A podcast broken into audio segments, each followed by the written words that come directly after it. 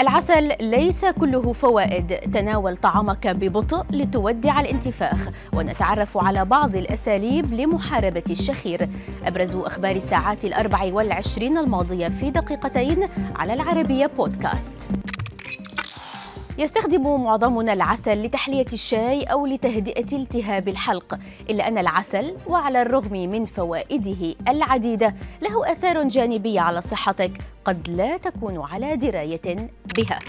اختصاصيو التغذية في موقع Eat This Not That كشفوا عن أبرز الآثار الجانبية للعسل والتي شملت الإضرار بالأسنان وزيادة خطر الإصابة بتسوسها وأمراض اللثة.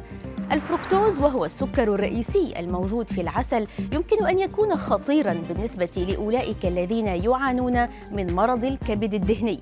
في موازاة ذلك روج في السابق أن العسل علاج لأعراض الحساسية لكن وفق الخبراء لا يتعدى ذلك كونه أسطورة. انتفاخ البطن بعد تناول وجبة أكبر من المعتاد أمر شائع بالنسبة للكثيرين. لكن إذا كانت معدتك تنتفخ في كل مرة تأكل فيها فيجب عليك طلب المساعدة الطبية. وبالنسبة لأولئك الذين لا يعانون من الانتفاخ طوال الوقت هناك أشياء يمكنك القيام بها لتقليل احتمالية الانتفاخ مثل تناول الطعام ببطء أكثر ومباعدة الزمن بين الوجبات وشرب المزيد من الماء.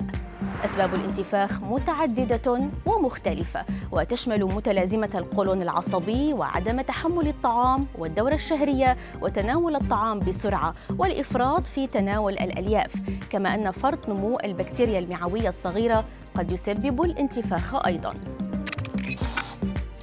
لا شك بأن الشخير أمر مزعج عندما تشارك غرفة نومك مع أحد ما وعلى الرغم من أن تغيير وضع النوم هو أحد الطرق الموصى بها لوقف الشخير المزعج إلا أن تدريب نفسك على البقاء في وضع واحد بمجرد أن تغفو قد يكون امرا صعبا.